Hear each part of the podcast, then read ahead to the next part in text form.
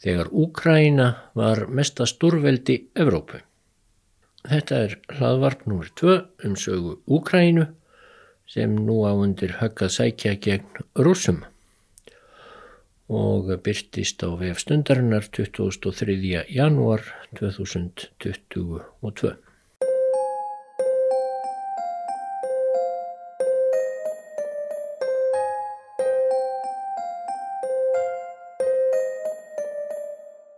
Í tilefni af vaksandi róstum kringum Úkrænu nú í ársbyrjun 2022 þá fór ég að skoða sögu landsins sem reyndist lengri og markverðari en ég hafi talið.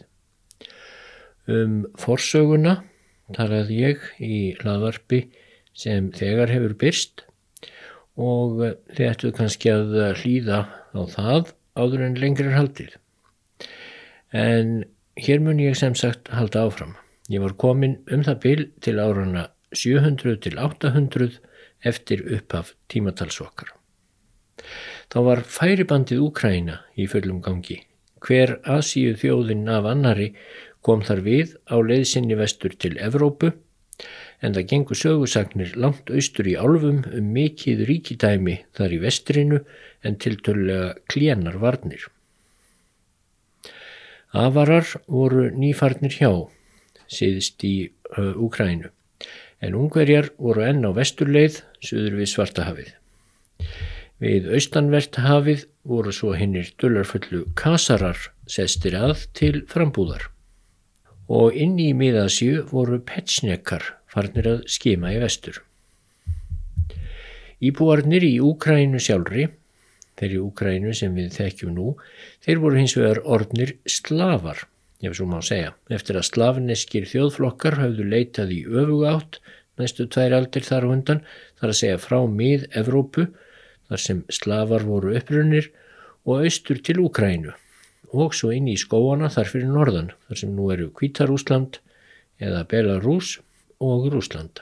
Slavarnir nýkomnu útrýmdu ekki þeim sem fyrir voru en það voru þeir bændur fremur en hermenn, heldur innlimuðu slavarnir e, þá sem fyrir voru í sína eittbolka, svo brátt töluðu flest allir á svæðinu slavnesk mál.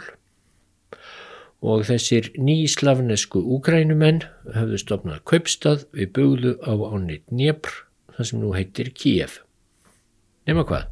Á 8. og þó einhverjum 9. öld kemur nýtt og svolítið óvænt krydd til sögunar í þennan úkrænska rétt. Víkingaöldin var runnin upp á Norðurlöndum og sænskir vikingar tóku að sykla upp eftir ánum sem falla í eistarasalt frá byrkiskóunum miklu norður af Úkrænu. Nýrst í skóunum byggu þjóðir af finskum uppruna. Við eistarasaltið voru baltneskar þjóðir, formæður og forfeður litáa, letta og fleiri en slavneskir ættbolkar, frænd fólk þeirra sem voru sestir að víðast í Úkrænu, eh, þeir voru komnir um allt miðbygg skóana. Vikingarnir höfðu í byli ekki mikil samskipti við þessa íbúa sem fyrir voru nema keftu af þeim skinn veiði dýra og svo fundu þeir staði inn í landi þar sem þeir gáttu dreyið báta sína og skip upp á bakka fljótana miklu sem fjallu í Ístarasalt og yfir í aðrar ár enn meiri sem runnu til söðurs í Svartahaf. Þar er Dnjepr helst og svo Dón, nokkur, nokkur austar. Vikingarnir voru bráttfarnir að sigla eftir öllum ánum og hingað og þangað og versluðu svo söður í Miklagarði eða Konstantínópel með skinn og hvaðina. Í Miklagarði þóttu þeir svo hraustir að þeir eruðu eftirsóttir í varðsveitir keisarans og voru þá kallaðir væringjar. Í þeirri sögu sem ég lærði í skóla fekk ég þessa mynd af því sem gerðist þar eistra þessar aldinnar. Hinnur dugumiklu norrænu vikingar siglu styrkum vöðvum millir eistrasalts og svartahafs og færðu með sér hressandi andblæ menningar og framandleika inn í frumstætt samfélag skóarbúa og halgerðra villimanna sem kúldröðust innan um trén og klóruðu sér. Norrænumennir voru kallaðir russar sem merti að líkindum ræðarar og stopnuðu svo borgina Kænugarð, staðinn þar sem þeir gemdu bátana sína, á siglingunum eftir fljótunum miklu og vikingarnir eða rússarnir kendu skóarbúum margt gagnlegt og þannig reys loksins ríki á sléttunum. Þetta var samt ekki alveg svona.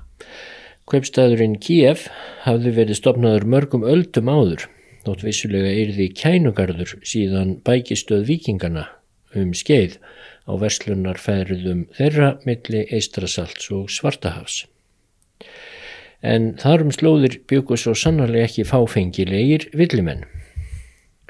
Ættbálkurinn sem bjó kringum Kíef kallast Pólónar og má ekki ruggla saman við forfeður Pólverja sem byggu þúsund kílometrum vestar. Þessir eistri Pólanar voru af írönsku kyni sem þýðir vel að merkja ekki að þeir hafi einhver tíma búið í Íran heldur aðeins að tunga þeirra hafi verið íranskrar ættar en Pólanar höfðu fyrir tiltölulega skömmu síðan tekið upp slavneska tungu ættbálkarna sem kom úr vestri og einnig margt af lefnaðarháttum þeirra. En Pólanar þurftu sem sé ekki að láta vikinga frá Svíþjóð kenna sér neitt, nema kannski helst opnaburð. Þeir höfðu stundað kornrækt, nautgriparækt, veiðar á landi og í ánum, smáveðinað margvíslegan en líka jórnsmíðar, guldsmíðar og flest í þeim dúr. Fólkið bjó í þorpum sem mynduðu ekki heildstætti ríki en mikil samvinna hefur verið milli þorpa pólananna því efnahagur verðist hafi verið með ágætum og lífskjör príðileg. Á nýjundu öld verður svo til ríki á þessum slóðum. Ríki sem hinn núverandi Úgræna rekur beinan upprunna sinn til. Erfitt er að segja til hvernig ríkið myndaðist þar sem upprunni þess er hulin mistri þjóðsagna og þóku kendra heimilda sem ekki voru skrifaða niður fyrir nokkurum öldum setna. Óljóst er til dæmis hvaða þátt vikingar eða væringjar áttu í stopnun ríkisins en einhver var sá þáttur allavega. Kanski tóku hinnir slavnesku ættbolkar í Úkrænu að sapnast undir verndarvængina vopnfeimu væringja sem höfðu slegið sér niður í gamla kaupstöðunum Kíef og í fleiri kaupstöðum við fljótin. En kannski tóku slafar að þjappa sér saman einmitt til að standast ágang væringja og ekki síður hérna tyrknesku pjetsnjeka sem nú voru komnir á hæla ungverja eftir færibandinu Gamalkunna frá miða-Asíu inn í Evrópu og til þess arna nötu úkrænumenn og hínir slavnesku ættbólkarnir norðar á leiðinni til Eistrasalts þeir nötu um tíma fóristu væringja. Einhvern veginn svona er þetta sem kantur íttuðum heimildum. Um miðja nýjundu öld tóku vikingar að norðan kveipstæðin Kíef frá Pólunum. Samkvæmt þjóðsögum og óáræðanlegum annálum gerðust höfðingjernir höskuldur og dýri, herrar Kíef, og svo mikið er víst að árið 860 gerðu vikingar á 200 skipum sem þaðan komu mjög óvænta og mannskeiða árás á sjálfan Miklagarð. Miklagarðsmenn vissu vart hvaðan á sig stóð veðrið, þeir voru ekki vanir árásum úr þessari átt. Rót árásarinnar veriðist hafi verið bandalag Miklagarðsmanna við Kasara sem bjöku enn í austanverðri Úkrænu en höskuldi og dýra mun hafa þótt þessi samvinna okna vestlunarleiðum sínum við stórfljótin í Úkrænu. Meðan þessu fór fram í Úkrænu var svo ímislegt að gerast norður í löfskónum. Þar byggu slafnesku ættbalkarnir Ilmennar og Krivtsíkar og reyndar fleiri. Ilmennar og Krivtsíkar voru tilturlega nýkomnir þangan norður en voru smátt og smátt að riðja burt finsk ættuðum íbúum skóana sem fyrir voru. Ilmennar og kriftsjakar verðast hafa tekið sér til leðtoga norrænan höfðingja að nafni Rúreg eða Hræreg og kaupstaðurinn Novgorod sem eftir vill hétt Holmgarður á norrænavísu. Eh, Novgorod tók sem sagt að byggjast upp þar á norður slóðunum. Nema að Rúrik þessi hafi reynlega hrifsað til sín yfiráð á svæðinu en arftæki Rúriks var svo helgin okkur sem á slavneskum málum nefndist Oleg. Hann vildi ná yfir áðum yfir allir í siglingaleiðinni til Miklagarðs og um árið 880 lagðan undir sig kænugarð og draf þá höskuld og dýra, ef þeir voru þá yfirleitt til, sem rannur saga. og Helgi eða Óleg lagði undir sig landsvæði fleiri slavneskra eittbolka í Úkrænu og hinnum núverandi Kvítarúslandi og Rúslandi. Helgi var á endanum svo stöndugur að hann hóf átök við hinn að voldugu Kassara og hann tók sér nöfnbótina Prins. Árið 912 tók Ígor eða Yngvar við af Helga eða Óleg. Hann var sagður vera sonur Rúriks frá Holmgarði og Ígor ríkti til ársins 945 þegar hann fór að heimta skatt af slavneskum ættbálki í nákværinni Kíef en sá ættbálkur, drefilanar, þeir vildu ekkert hafa með yfirráð rússanna eða ræðaranna frá Kíef. Ígor var því gómaður og fætur hans bundnir við toppin á tveim stórum byrkitrjám sem sveigð höfðu verið niður að jörðu. Svo var högvið á reypin sem heldu trjánum niðri, Ígor þeittist til lofts og ripnaði í sundur. Nú réð Helga eða Olga ekki Ígors ríkjum í Kíef í 15 ár en hún var sennilega væringi ættum. Hún fór í heimsókn til Miklagarðs og tók kristni og átti í samskiptum við keisara germanska veldisins í Vestur-Európu sem þýðir að þetta nýja ríki þóttu orðið viðræðu hæft á alþjóða vettvangi. Sónur Olgu eða Helgu tók svo við, Sviatoslav fyrsti er hann kallaður, en hann sigraði Kassara og saminnaði alla slavnesku ættborkana í Úkrænu og í skóunum í norðri undir sinni stjórn.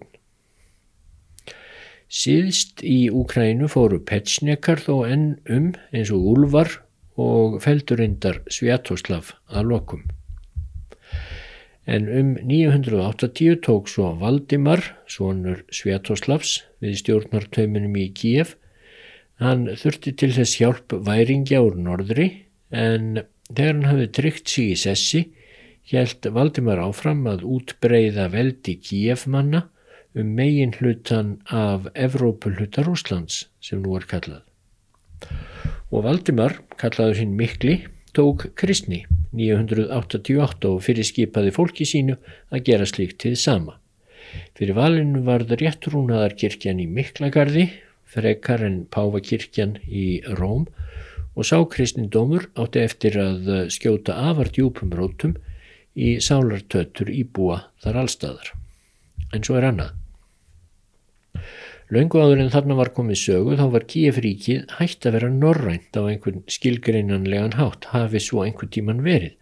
Heldur var það orðið nær alveg slavnest.